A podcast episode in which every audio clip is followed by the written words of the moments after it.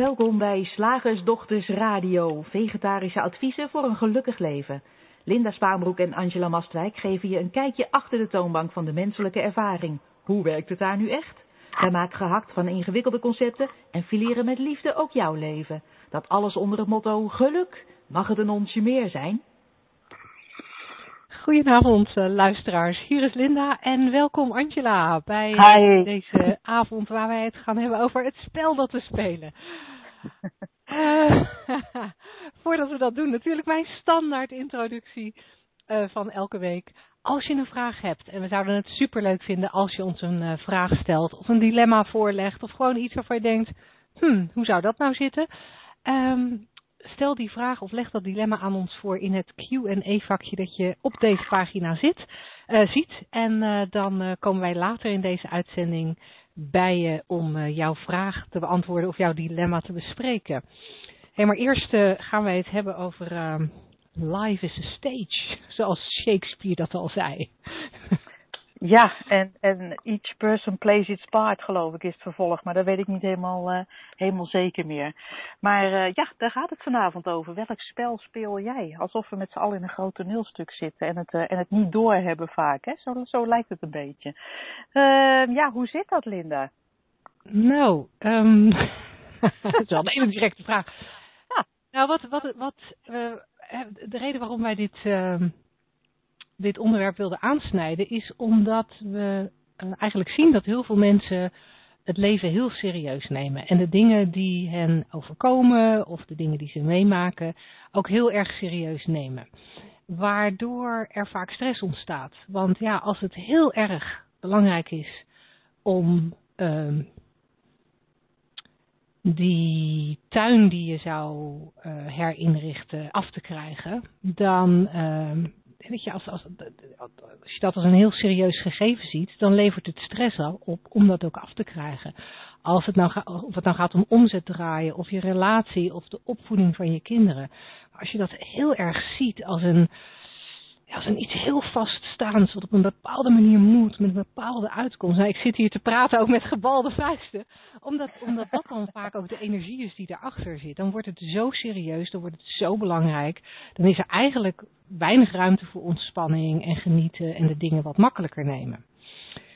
Terwijl wij gezien hebben dat. Uh, nee, laat ik, nee, laat ik nog even een tussenstapje maken. En het is allemaal zo belangrijk. Die opvoeding, die relatie, die tuin, die omzet, het werk, uh, wat, wat we dan ook maar verzinnen. Het is allemaal zo belangrijk. En het is allemaal zo serieus, omdat we denken dat dat dat daar ons geluk vandaan komt. Daar komt ons welzijn vandaan. Als daar iets niet goed gaat, dan gaat het ook echt niet goed. Dan gaat het ook echt mis. En wat wij met deze radioshow, waar wij naar proberen te wijzen, is het feit dat daar een misverstand zit. En het is een, het is een wijdverbreid misverstand. Bijna iedereen hangt dit misverstand aan, maar het is desalniettemin nog steeds een misverstand. Hè, zoals het ook ooit een misverstand was dat de aarde plat is. Het is een misverstand dat het, het geluk van dingen buiten je komt. Het, het geluk zit al in je. Het welzijn zit al in je. Het goede gevoel zit al in je. De liefde zit al in je. En eigenlijk als je het heel sec neemt, is er helemaal niets van buiten wat, wat daar werkelijk invloed op heeft.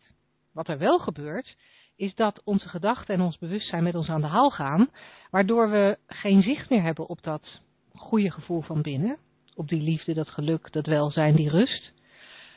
Uh, want, want, onze gedachten ja, vormen allerlei gedachtenwolken en gedachtenspinsels die eigenlijk het zicht onttrekken aan, aan wat er echt in onze kern zit.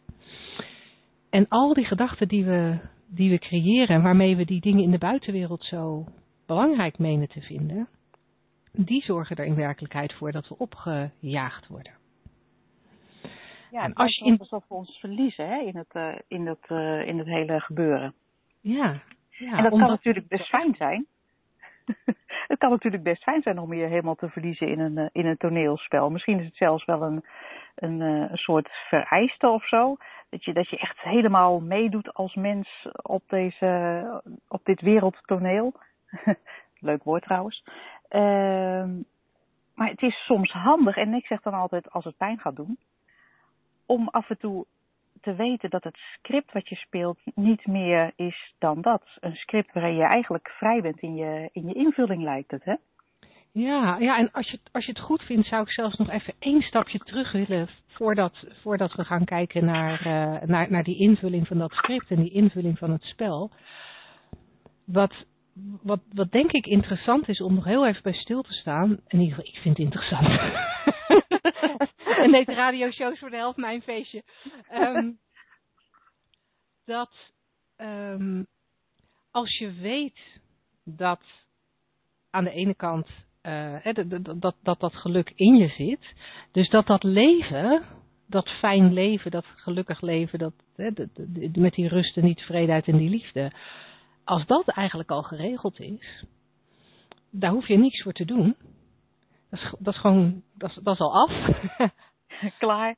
Klaar. Dan heb je daarnaast nog al die dingen die je, uh, ja, die, je, die je in het leven wil. En daar zit wat mij betreft uh, het spel van het leven. En dan, en dan steel ik de, de, de metafoor die George Prensky daarvoor gebruikt. Hij heeft het uh, in een van zijn mp3's. En het is echt een hele waardevolle mp3 als je als een van de luisteraars het leuk vindt om, om hier net wat meer over te weten. Op hun website prensky.associates.com vind je de, de mp3 The Game of Life and Living. En dat stuk waarvan ik net zei, ja, dat is al geregeld. Van die liefde, dat geluk, dat welzijn, dat is gewoon, dat is er. Dat noemt hij de game of, life, uh, the game of living. En daarnaast zegt hij, ja, daarnaast heb je het, het leven in de buitenwereld. Want je wilt nou eenmaal ook wat daarbuiten. En, en daar spelen we dan het spel.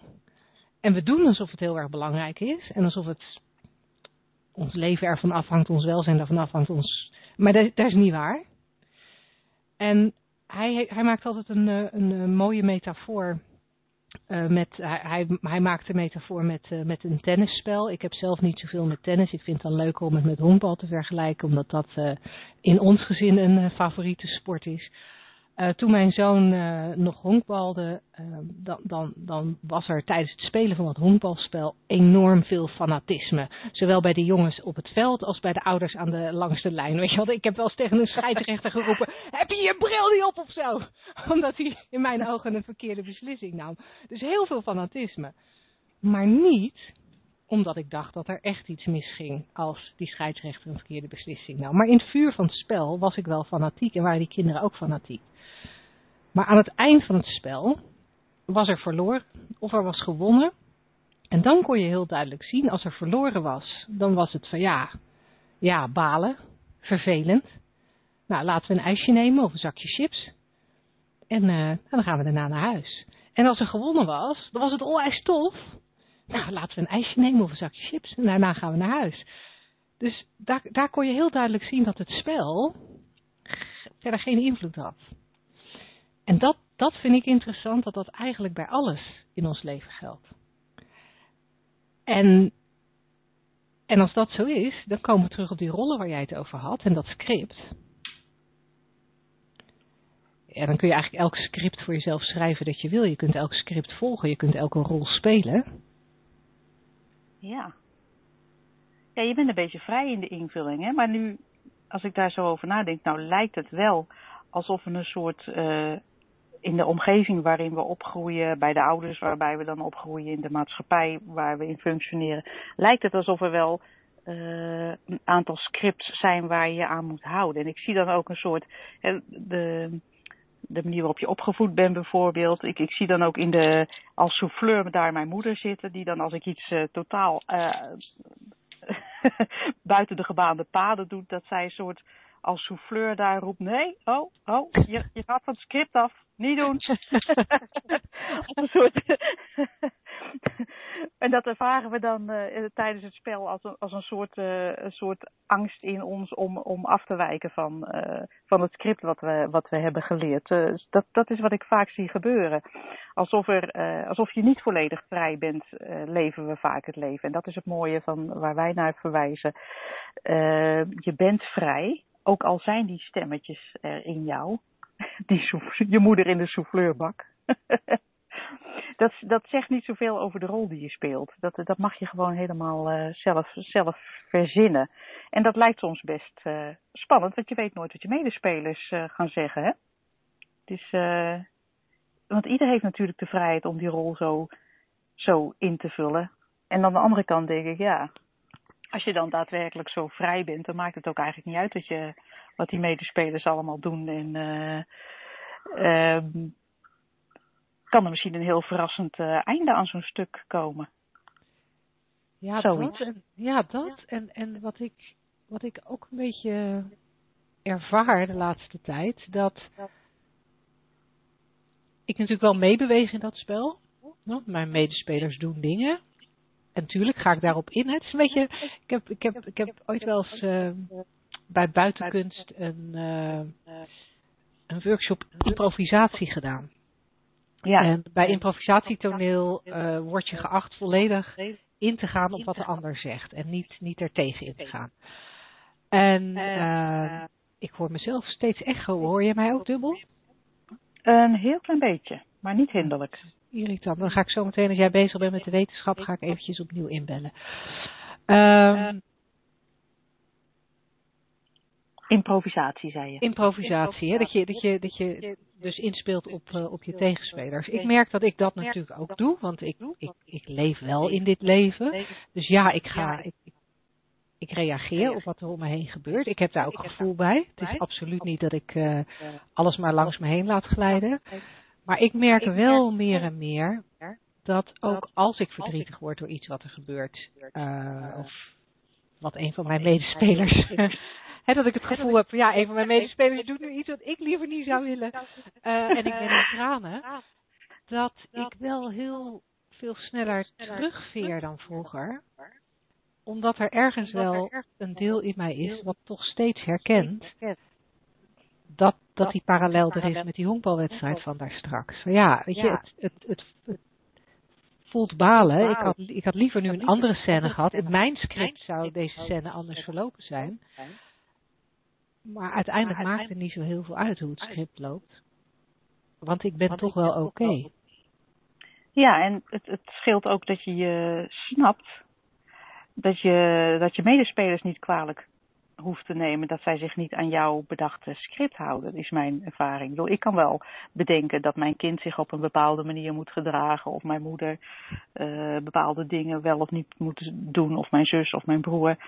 Maar dat is natuurlijk volledig wat, wat ik maar verzonnen heb. En zij hoeven zich niet aan het script te houden. En als ik dat snap, hoef ik ook niet teleurgesteld te zijn als zij uh, een ander verhaal hebben verzonnen als ik.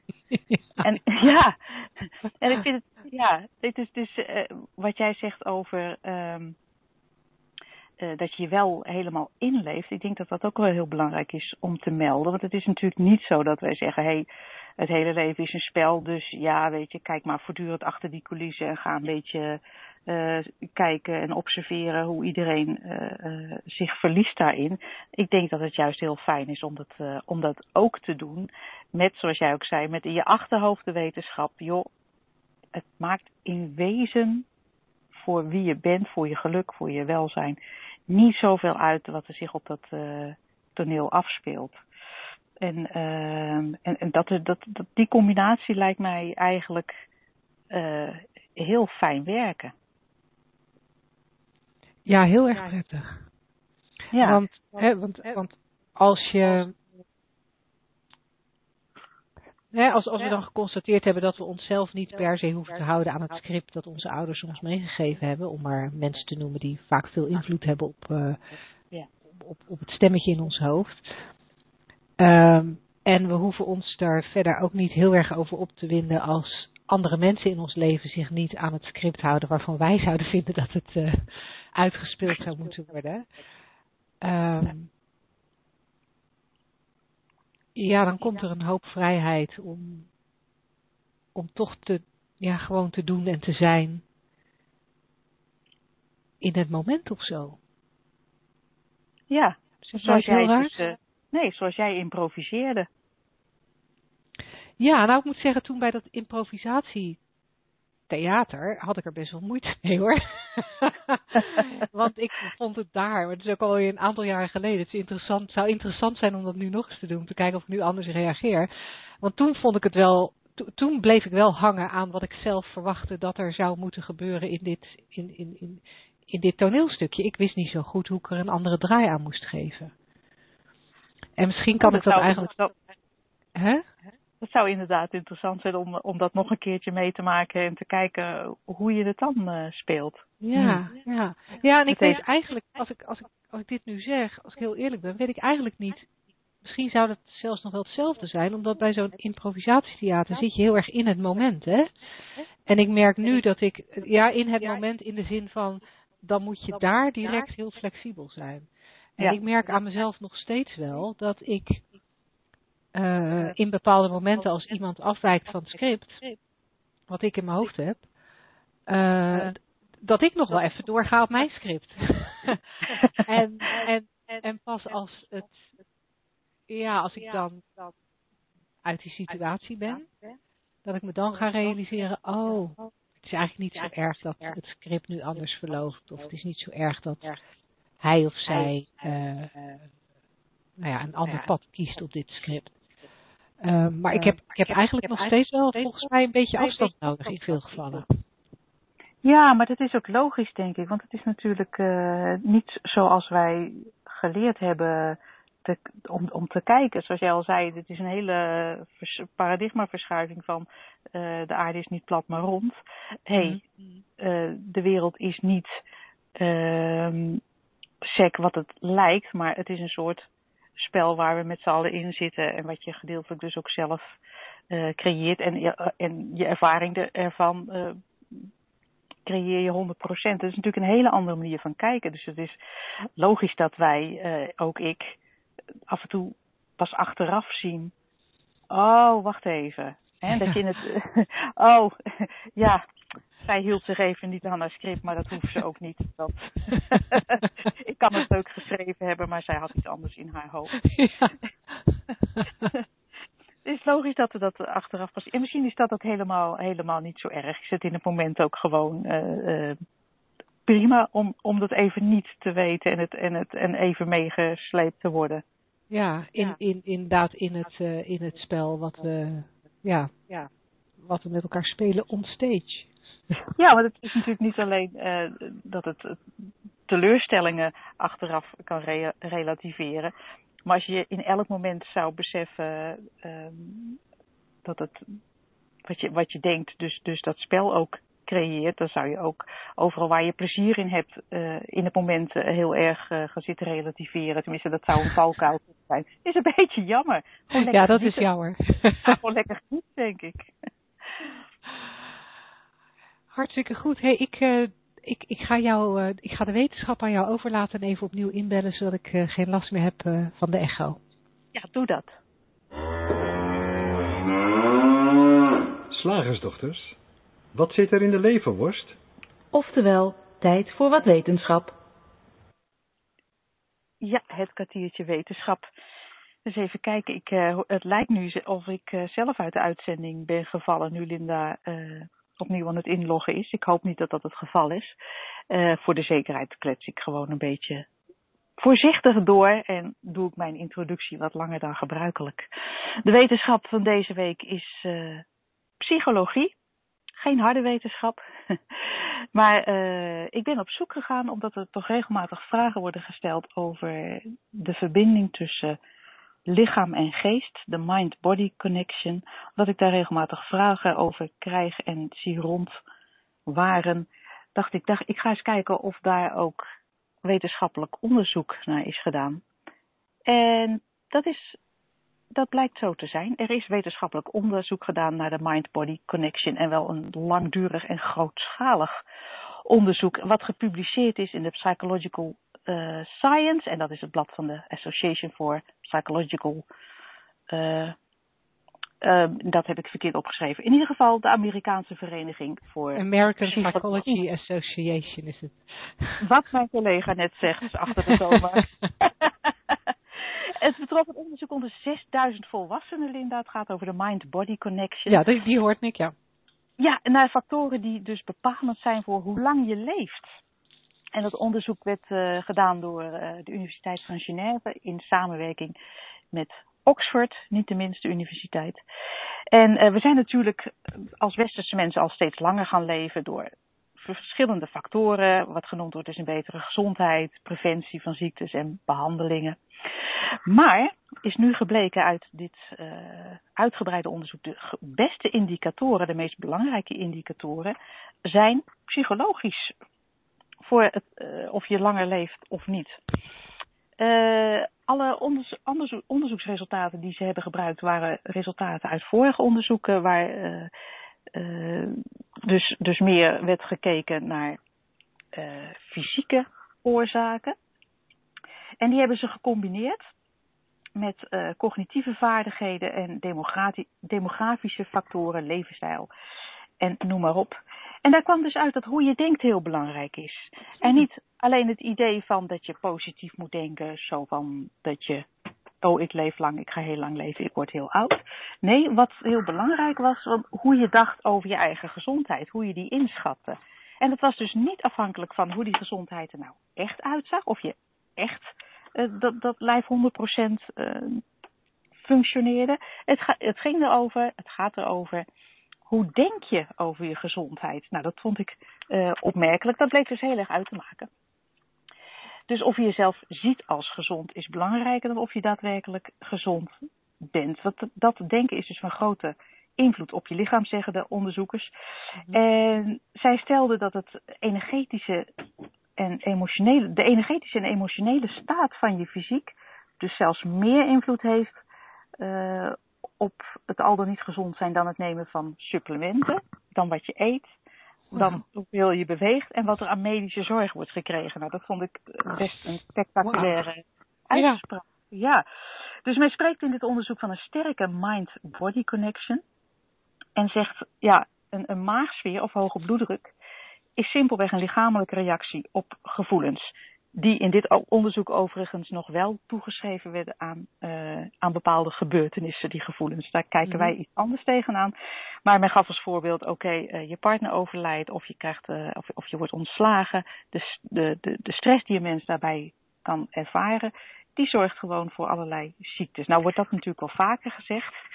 Maar het feit dat hier in dit onderzoek is gezegd dat het de allerbelangrijkste factor is hoe je denkt, dat vond ik toch opmerkelijk. Dus mensen met een positieve kijk op het leven, constateerden ze, die leven ook langer. En die, behalve die positieve kijk op het leven en dus op de eigen gezondheid, was het ook heel belangrijk dat, het dat men de gedachte had dat het leven zinvol was. Dus dat, dat er een invulling aan werd gegeven, bijvoorbeeld uh, in de zorg voor anderen. En wat ook heel belangrijk was, daar hebben wij het vorige week ook over gehad, geloof ik. Uh, dat mensen zich verbonden voelden met anderen. Dat was ook een hele. Uh, als, als dat ervaren werd, dat, dat, dat gevoel, als dat gedacht werd, dan was dat ook een sterke indicator voor een, voor een langer leven. Family time en het voeden van je spiritualiteit bleek ook heel belangrijk te zijn. Vond ik ook opmerkelijk. Uh, er werd onder andere ook nog specifiek even gekeken naar hartproblemen. En uh, ook in, die, in dat opzicht noemden de onderzoekers de invloed van de psyche op het fysieke verrassend groot. En men stelt dus dat dit, uh, de uitkomsten van dit, uh, dit onderzoek, wat volgens mij in vorige maand, meen ik, gepubliceerd is in dat tijdschrift, heel nuttig kan zijn voor de gezondheidszorg. Dat men niet alleen kijkt van wat is er fysiek aan de hand, maar dat men ook een uh, gesprek aangaat met uh, hoe denk je nu over je gezondheid, hoe denk je over het leven en hoe denk je over uh, de mensen om je heen bijvoorbeeld. Mm. Nou, dat dus mind-body connection. Het wordt vaak afgedaan tot nu toe uh, als een soort uh, komend uit de hoek van de pseudowetenschap. Hè? Oh, dat is dat, dat zweverige gedoe, mind over body en dat soort dingen. Uh, maar hier blijkt dus dat ook de wat conservatievere wetenschappers ja, er niet onderuit kunnen dat, dat die er wel degelijk is. Tenminste, dat blijkt uit dit onderzoek. Ja. Totdat het tegendeel weer onderzocht wordt. ja. ja. ik vind het wel interessant, want wat, wat dit soort dingen bij mij toch altijd wel een beetje oproepen is van, uh, oh ja, dan is het dus eigen schuld dikke bult. Ja. En, ja. Uh, en dat blijf ik een lastig vinden. Ik ook. Daarom vind ik, ben ik ook altijd een, een beetje voorzichtig met, met, die, met, met, die, uh, met het wijzen naar die verbinding. Terwijl ik er wel ja, terwijl ik het zelf ook heel sterk zie. Hè. We hebben het er ook al over, eerder over gehad. Denk maar eens aan je favoriete voedsel. Als je een tijdje niks gegeten hebt, water loopt in je mond. Dus alleen de gedachte zorgt al voor een fysieke reactie. En uh, dus, dus dat, dat er een connectie is, is wel duidelijk. En dat, maar dat, ik kan mij zo voorstellen dat je dat uh, eigen schuld, dat, dat, dat zie ik niet. Omdat je altijd onschuldig bent in wat je denkt en, en in wat je gelooft zolang je niet weet hoe uh, de menselijke ervaring werkt, hè, dat je dus je hele ervaring creëert door, uh, uh, door wat je denkt, doordat je bewustzijn dat tot leven brengt en dat alles, alles energie wordt gegeven door een onderliggende ja, mind. Dat kan je allerlei namen geven. Als je niet weet dat het zo werkt, dus dat het van binnen naar buiten gecreëerd wordt, en ook als je het wel weet, ben je het daar natuurlijk niet altijd bewust van. En zoals we net ook zeiden in dat toneelspel, jij en ik, we zijn ons er niet altijd bewust van dat het zo werkt. En ja, dan, uh, dan, dan ga je daar helemaal in op. Of dan heb je al uh, ergernis uh, gekweekt bij jezelf. Of, of teleurstelling of wat dan ook. Dus ik, ik denk, ik zie zelf dat die, dat die, dat die verbinding er zeker is. Alleen dat je onschuldig bent in wat je daarin creëert, omdat je nou helemaal nooit expres uh, uh, ja, gedachten zou, zal geloven die jou fysiek schade opleveren, denk ik. Ja, en je kan jezelf natuurlijk ook niet echt dwingen om andere dingen te denken. Nou, dat, nee zullen, zullen NLP-practitioners het niet uh, helemaal mee eens zijn. Nee. Want NLP gaat natuurlijk bij uitstek van uit dat je je gedachtenpatronen kunt veranderen, dat je je gedachten kunt veranderen. Um...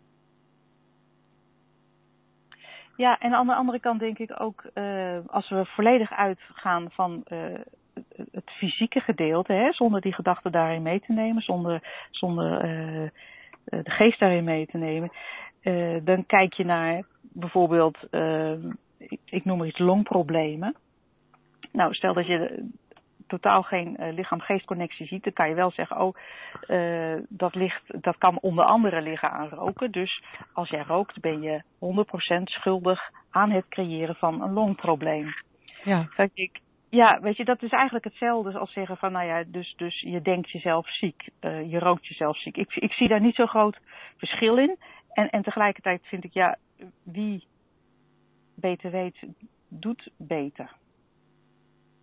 Dus, dus tegelijkertijd zie ik de onschuld erin. Ja, ja, nou, dat vind ik dan wel een hele mooie invalshoek. Cool, dankjewel. Ja, alsjeblieft.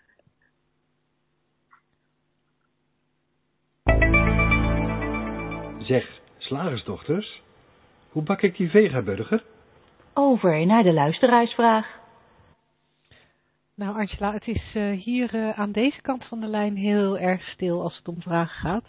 Heb jij uh, vragen via mail binnengekregen? Nee, ook op de mail was het akelig stil. Oh. Oh. Ja, dat is nou jammer. we zitten nou, dan moeten we eens kijken.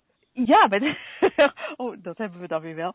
Moeten we maar eens kijken of we een praktijkvoorbeeld kunnen, kunnen opduikelen. Dus ik mijn hersenen gaan nu eventjes uh, terug in de tijd. Dus kijken of ik uh, deze week nog een leuke vraag uh, heb gesteld gekregen. Of eens even denken wat misschien een beetje verband houdt met waar we het vandaag over, over hebben. Hmm. Kan jij iets, kan jij iets opduikelen uit, jou, uit jouw hersenarchief? Eventueel? Nou ja, wat in me opkomt is een beetje te privé om te vertellen. er was een, was een vraag van iemand, maar dat is zo privé, dat, weet ik niet of, uh, of dat oké is als ik, uh, als ik dat uh, nu in het openbaar gooi. Dus dat is niet zo handig. Ik had wel daarnet aan tafel nog een, een, interessant, een interessant gesprek met mijn dochter. Die, ehm, of eigenlijk de vriendin van mijn dochter, die op dit moment bij mij in huis woont.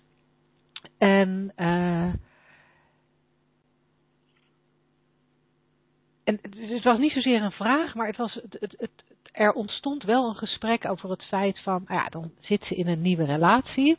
Hè, ze zijn een week of uh, vier, vijf, uh, dat ze elkaar echt kennen. En, uh, en dan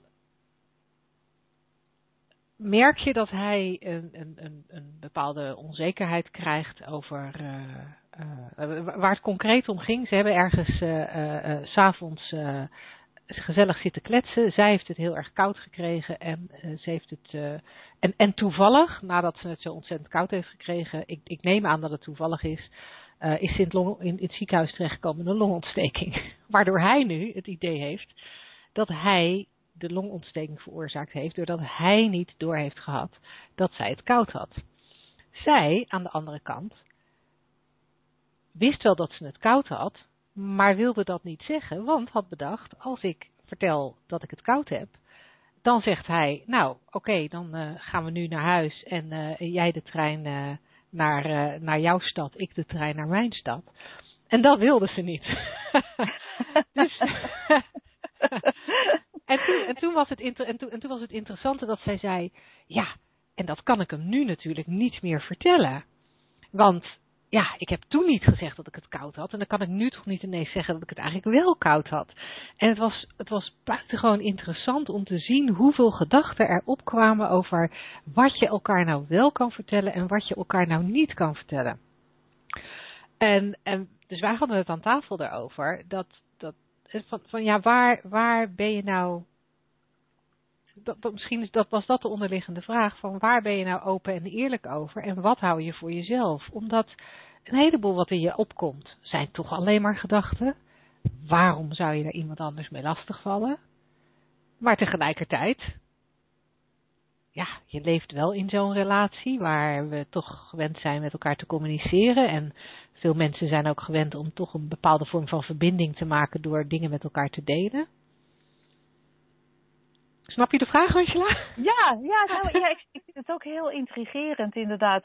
Dat, je, uh, dat er zoveel, vooral achteraf dan gedachten kunnen ontstaan over uh, wat wel en niet had moeten gebeuren. Wat wel en niet had gezegd had moeten worden. En, maar ik, ik snap dat helemaal, want als je ziet dat alles ja, alles gewoon bedacht is wat er maar opkomt. En uh, dat als je alles er maar uitkomt, uitgooit wat er in je opkomt, dat, je, dat, dat er de meest uh, ja, irrationele gesprekswendingen komen, denk ik. en dat we daarom heel veel voor onszelf houden ook.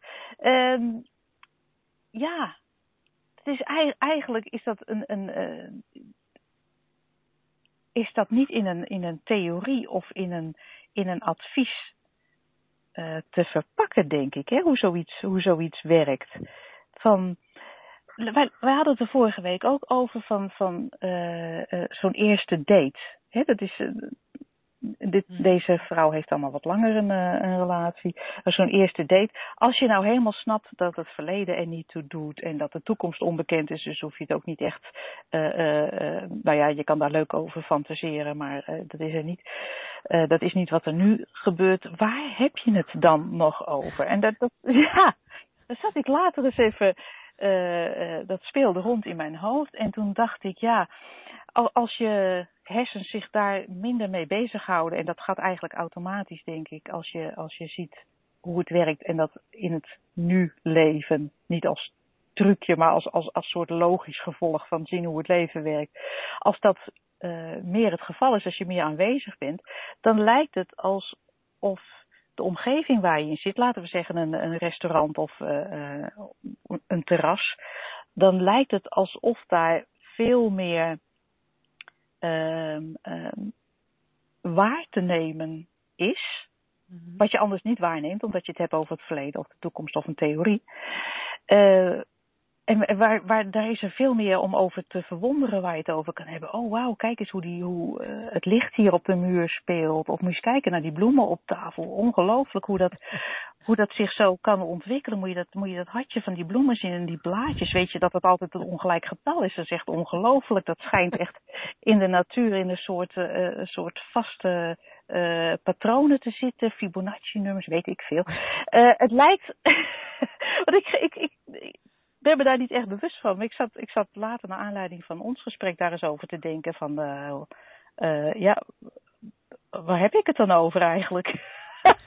Ja, maar, dat, maar dat, is, dat, is, dat, is, dat is natuurlijk het fascinerende. Daardoor, daardoor, daardoor kwam het natuurlijk ook ter sprake tussen ons.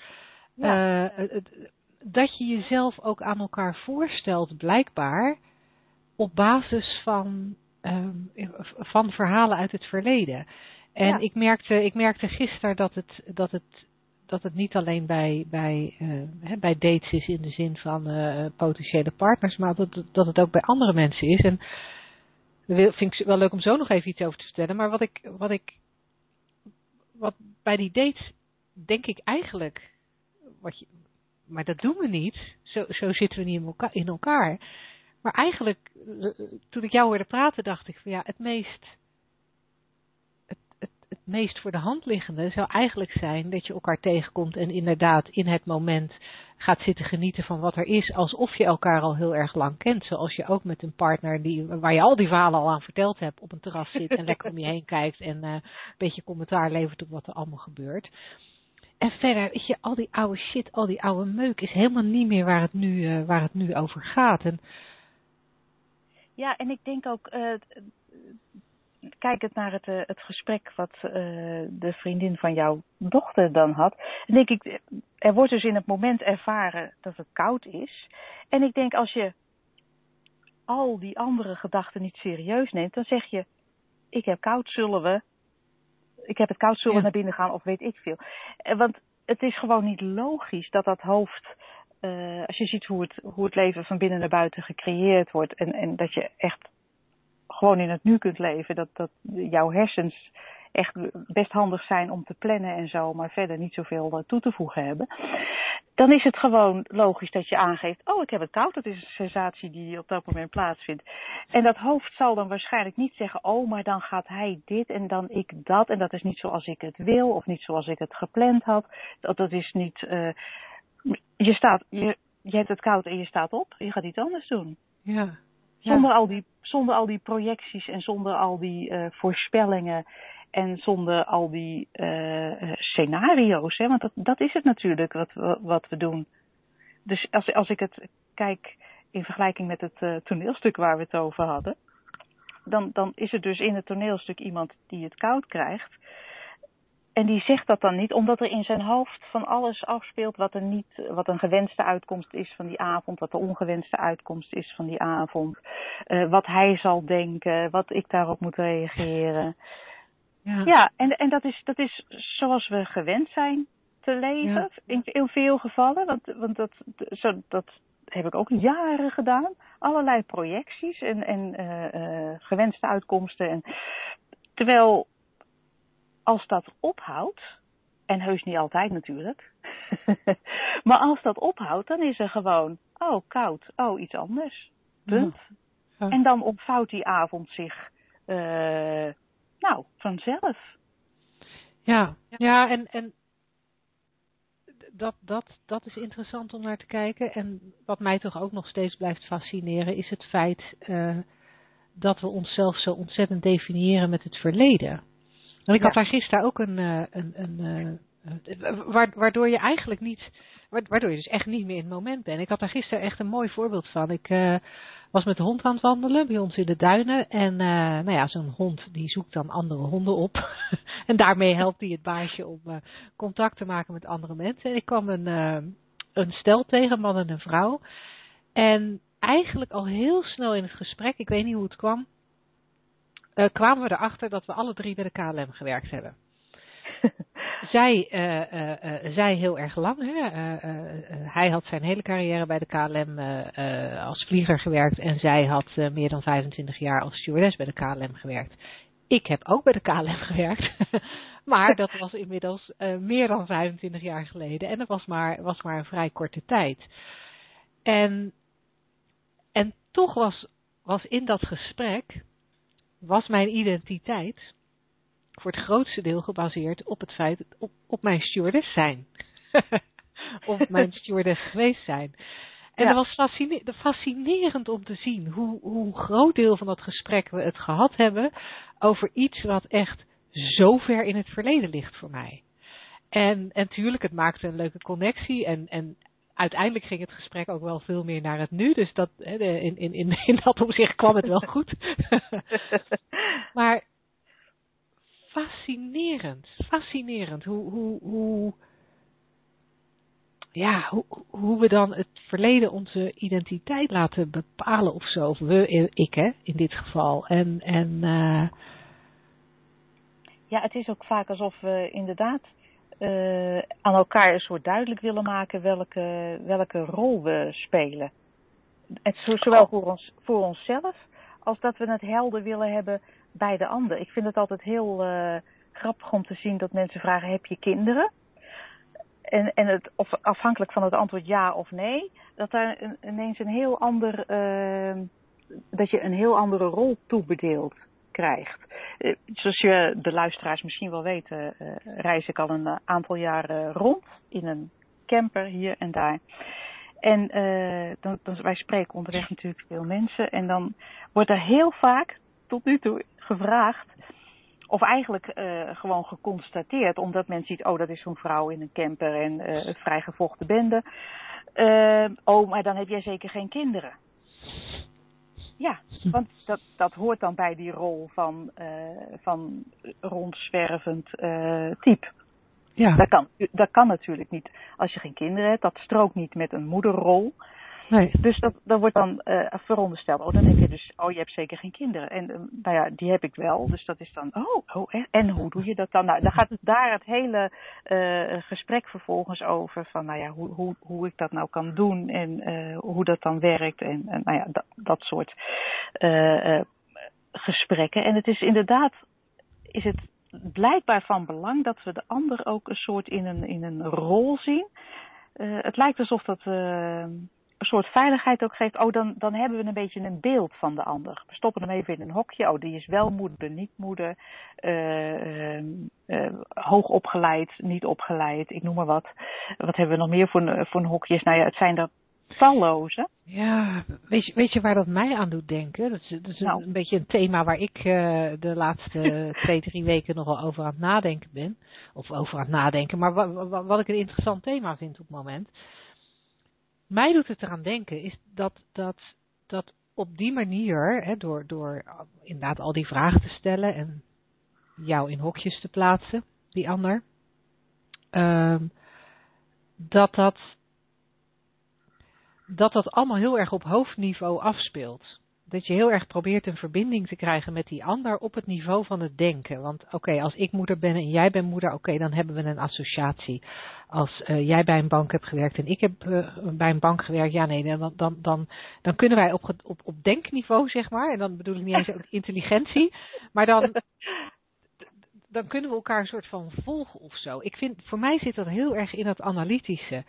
En, het, en wat ik meer en meer ga zien, of meen te zien, het is nog een beetje een ontdekkingstocht voor me, dat er, dat er ook gewoon een onderstroom is. En voor mij zit hij dan ergens van buik naar buik, dat is natuurlijk ook maar bedacht, maar dat er een onderstroom is waar het eigenlijk helemaal geen fluit uitmaakt of jij bij een bank hebt gewerkt en ik bij een bank heb gewerkt en waar het er helemaal niet toe doet wat jij voor een verleden hebt en wat ik voor een verleden heb en wat jij voor een toekomstplaatje hebt en wat ik voor een toekomstplaatje heb. Want in die die onderstroom is gewoon die, ja, dat oké zijn of zo.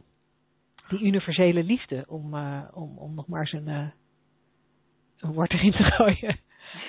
Ja, nee, ik denk dat je daar inderdaad een, een, eh, een, een zeker een, een heel sterk punt hebt.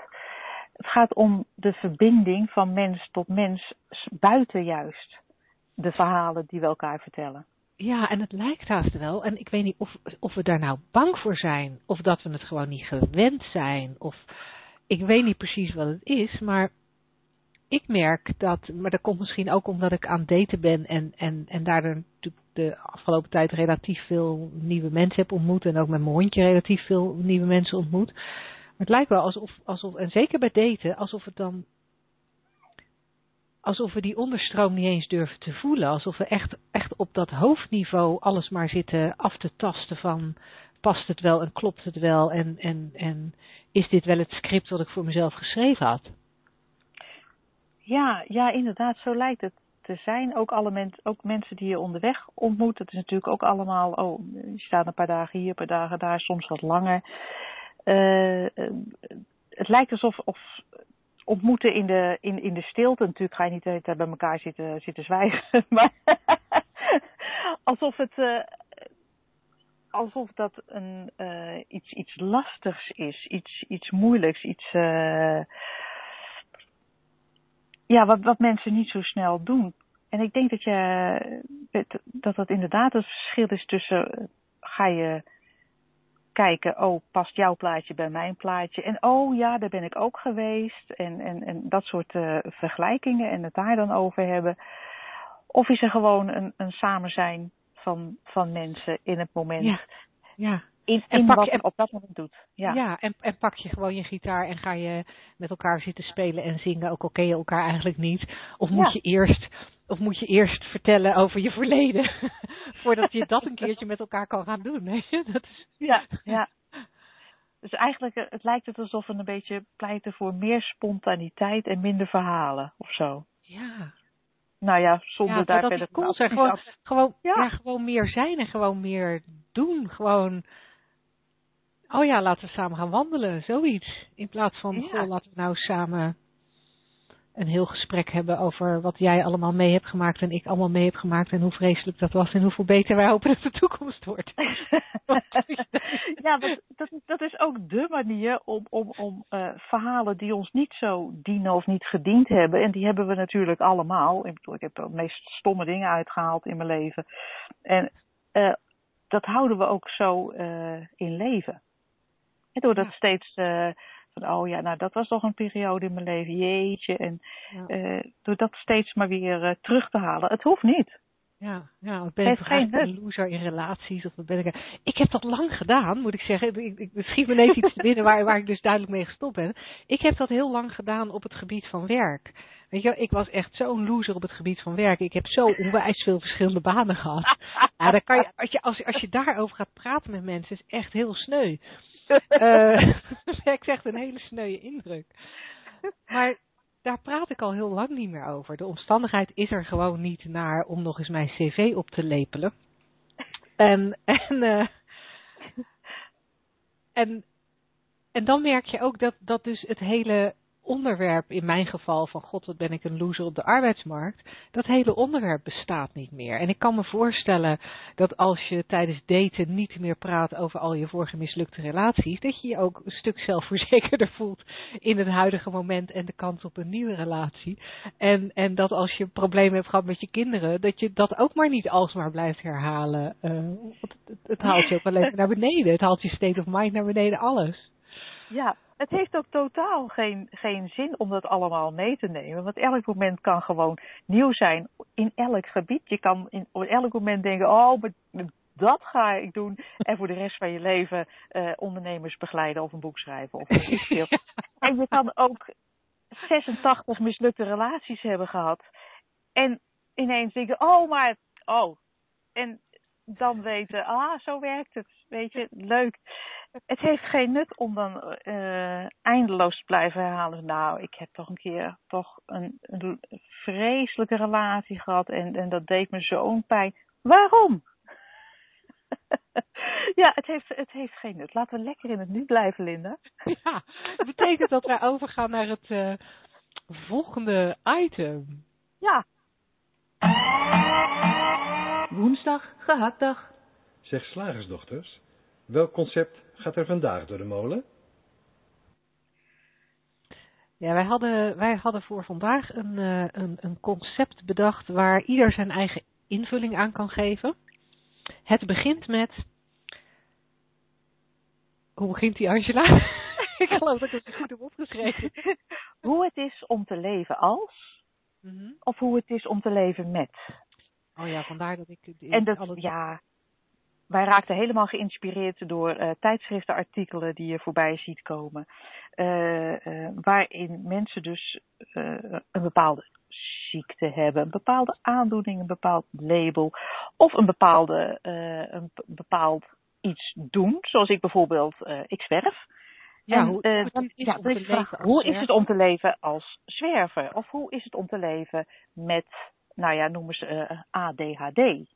Ja. En eh, nou, dat dus, eh, de Maar dan- vraag vonden we interessant.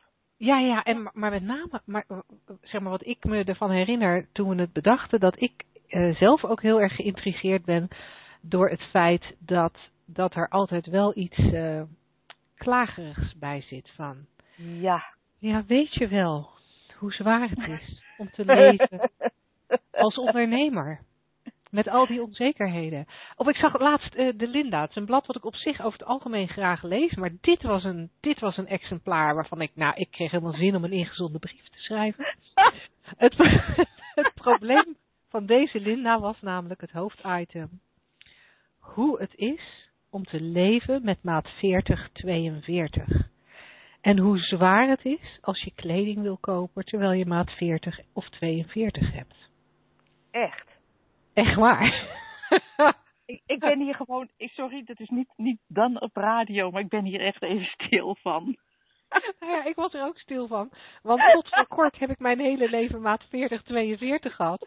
En ik heb daar nooit één seconde een probleem mee gehad. Ik ben ook nog nooit in een kledingwinkel geweest waar ze, waar ze mij, zoals, zoals deze, dit tijdschrift beweerde, de winkel uitkeken omdat ik te dik zou zijn voor hun maatvoering. Ik ben wel eens in winkels geweest waarvan ik dacht, goh, ze hebben hier echt helemaal niks in de maat van een Nederlandse vrouw. Maar dat, dat wijte ik dan meer aan slechte inkopers bij deze kledingzaak. Of aan het feit dat ik in een winkel was voor 15-jarigen.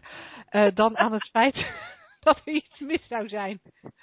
Jij kreeg niet de neiging om, eh, om de Linda te schrijven en zeggen van nou, het is echt heel erg om te leven als iemand met maat 40. Dat niet. Nee, nee, nee. Ja, dat hoeft ook niet, want daar hadden zij al genoeg over geklaagd. Maar dat, dat, was, dat was wel een Ja, beetje het, het vermaalconcept, zeg maar. Van, Ja. ja, weet je, dan moet ik toch, ja, weet je, ik, dan, ja, dan heb ik dus, dan heb ik dus. En dan, dan, dan heb je iets. Ja. Het, het is heel grappig, het, eh, wat bij mij eh, ineens popte op het het gesprek wat we net hadden over eh, ik heb het koud, of je dat wel zegt of niet zegt. En ik zie ineens zo'n tijdschriftartikel van hoe het is om te leven met als je het koud hebt. En ik dacht, nou, trek iets aan. Ehm, ja, het, het lijkt alsof we met, eh, eh, jij had daar van de week ook le- een leuke post over geschreven, zag ik op, op Facebook. Eh, het lijkt alsof we een soort aan het verslachtofferen zijn. Ja, In Ja. heel veel opzichten. ja, Ja. ja, want het is, het is wel zwaar om te leven met een dochter die veganistisch is. Eh, het is vrij zwaar om te leven met het feit dat mijn fietsbanden zo lang. Nee, nee maar nou, nou, nou chargeer ik het, maar. Ja. ehm, Ja, maar er we wordt hebben eh, allemaal. Sorry, we hebben, Ja, we hebben wordt- allemaal. Nou, jij, jij mag eerst. er wordt overal eh, van, van een issue van gemaakt. En, en ook vastgesteld dat, oké, als dat speelt in je leven, dan zijn dit de gevolgen. Dat is meestal dan ook een hele lijst, die eigenlijk compleet verzonnen is. Want wie zegt, eh, het is natuurlijk heel persoonlijk hoe jij de dingen ervaart. En, en dat hoeft helemaal niet als slachtoffer. Of, eh, je hebt natuurlijk je hebt een aantal eh, geweldige voorbeelden genoemd waarin het eh, vrij duidelijk is dat je daar geen slachtoffer, ja, dat je daar geen slachtoffer voor hoeft te zijn. Maar ik hoor bijvoorbeeld ook heel vaak, als ik vertel dat, dat mijn moeder dement is, krijg ik ook heel vaak de reactie, oh, oh wat erg, en herkent ze jou nog? Dan zeg ik nee, naar waarheid, zij herkent mij al jaren niet meer. Ja, hoe is dat voor jou? En dan denk ik, maar dit gaat helemaal niet om mij. Kijk, ik zou, ik heb er, ik, grote, uh, ik zou het heel fijn vinden als mijn moeder nog wel helder van geest is. Had ik, dat, dat gun ik haar. En dat zou in mijn ideale scenario ook zo geweest zijn, tot in lengte van tijden. Maar de werkelijkheid is, het is niet zo. En hoe dat is voor mij om daarmee te leven, dan denk ik, uh, dat is maar net hoe ik dat invul maar net hoeveel gedachten en welke gedachten je daarover hebt. Welke gedachten? Ja, als ik uh, bij mijn moeder op bezoek ben en zij heeft uh, bijvoorbeeld enorme loopdrang. En wij mm -hmm. kunnen niet naar buiten omdat het regent. Dus dan zit ik daar eigenlijk, zou je kunnen zeggen, voor niks. Want mijn moeder loopt dan eindeloos rondjes. Ja. Dan denk ik, ja, dan ben ik er vandaag voor mevrouw de Wit die daarnaast zit. Dat is wat er bij mij opkomt. En niet dat ik dan uh, dat de situatie om gaat denken. Maar het feit of het erg is of niet, ja, dat, dat, dat is volledig mijn eigen invulling. En dat mm. geldt uh, niet alleen voor een demente moeder, dat geldt ook voor maat 40 of een veganistische dochter hebben. Ja, We zijn ja. er natuurlijk helemaal vrij in en uh, dus ja, een, een, er is geen standaard antwoord op. En ik vind het ook nee. een, beetje, een beetje jammer dat. Uh, uh, ja, de tijdschriften moeten natuurlijk ook vol, laten we wel wezen. Maar dat er, dat er overal een probleem van wordt, uh, wordt gemaakt. Ja, ja en, dat, en dat is natuurlijk. Dat is ook. ik, ik weet ook weer niet of dat dan een menselijke tendens is, of dat dat cultureel bepaald is. Maar dat er heel veel focus is op ja, alles wat er niet zo goed is en wat er zou moeten verbeteren. En ik gaf net heel lacherig dat, dat voorbeeld van die veganistische dochter. Maar eigenlijk, als ik jou, door, door iets wat je net zei, realiseer ik me dat ik regelmatig de gedachte, de, de, de, de opmerking krijg van de buitenwereld. Oh, maar dat is dan wel heel moeilijk voor je om, om, om te koken voor het hele gezin. Ja. En uh, nou, als ik heel eerlijk ben, heb ik uh, toen ze kwam met het plan om veganistisch te worden ook wel eventjes gedacht van, nou, hoe ga ik dat dan regelen? um, maar al snel uh, had ik de oplossing dat zij mij mocht vertellen, dat zij mij de recepten kon geven en, en dat we samen dingen gingen uitproberen. En dan ben je er na een paar weken aan gewend. En nou, ik heb vanavond heerlijk zitten smullen van de kikkererwten. Wat ik mij een half jaar geleden niet kon voorstellen. Dus, dus, um, um, dus zeg maar zelfs van zoiets wat, wat, wat eigenlijk helemaal niet levensbedreigend is of niks, zelfs daarvan um, is de buitenwereld geneigd mij daarop aan te spreken als ware het een probleem. Ja. Ja, het lijkt alsof we van alles een probleem maken. En die mogelijkheid hebben we natuurlijk als mens. Daar ben je ook vrij in, om van alles een probleem te maken. Maar ik vind het een beetje jammer, op een of andere manier. Nou, ik vind het, uh, ik vind het doodzonde. Want, uh, ja, echt waar. Ja. ja, ik ben blij dat jij het zo grappig vindt. Ik bedoel het heel serieus. Ja. Want... Nou, het kwam er echt heel leuk uit, ja. ik zal nog eens terugluisteren. Nee, maar dan, dan denk ik van, dan... Ja, nee, ik kan, ik kan het niet eens goed uitleggen, maar je, je, je, hebt, je hebt zo duidelijk de keus om, om, om zelf te kiezen voor het positieve of het negatieve en dan toch het, het, het negatieve spoor kiezen, toch blijven, blijven focussen op wat er, wat er dan niet klopt. En misschien ook wel dat script, hè, wat klopt er dan niet aan dat script? Waar had dat script anders moeten zijn? Uh, en dat kost, het kost zoveel energie, maar ik kan, ik kan daar ook een beetje verdrietig over worden. Hoe, hoe mensen, even in dit moment, hè, het is niet ja, ik daar de hele tijd verdrietig word, maar in dit moment kan ik er verdrietig van worden als ik zie hoe mensen de positieve dingen in hun leven eigenlijk niet zien en of, of weinig zien, weinig kunnen herkennen, daar weinig focus op leggen, omdat hun hele hoofd zo vol zit met, ja, met de dingen waar zij mee moeten leven, met het te kleine huis of de, de, het te lage salaris of whatever. En dan ja, zo'n vol hoofd krijgen daarover ja, dat, is heel jammer. Ja, ik, ik, wat, wat bij mij opkomt ook, ik zat een hele tijd geleden, wij hadden een Volkswagen bus en die moest voor een, uh, ik weet niet, er moest iets aan gebeuren, dus ik zat bij die, uh, bij die dealer en er zaten nog meer mensen te wachten op hun uh, Volkswagenbus die gekeurd werd of gerepareerd werd.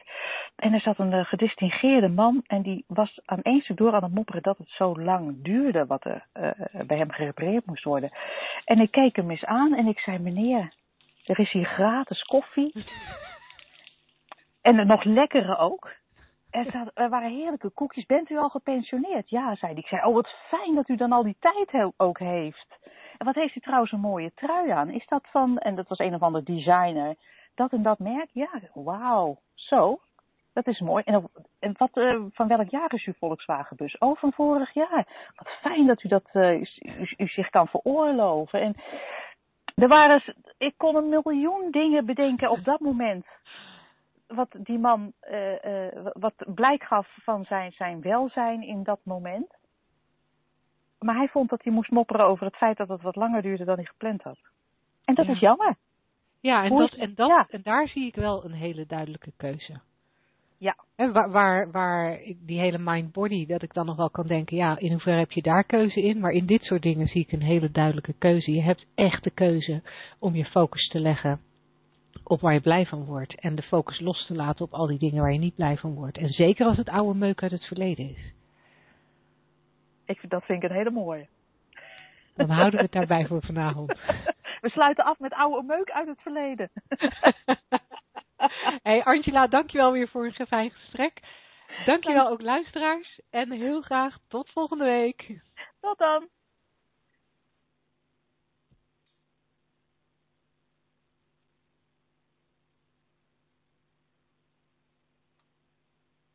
The moderator has left the conference.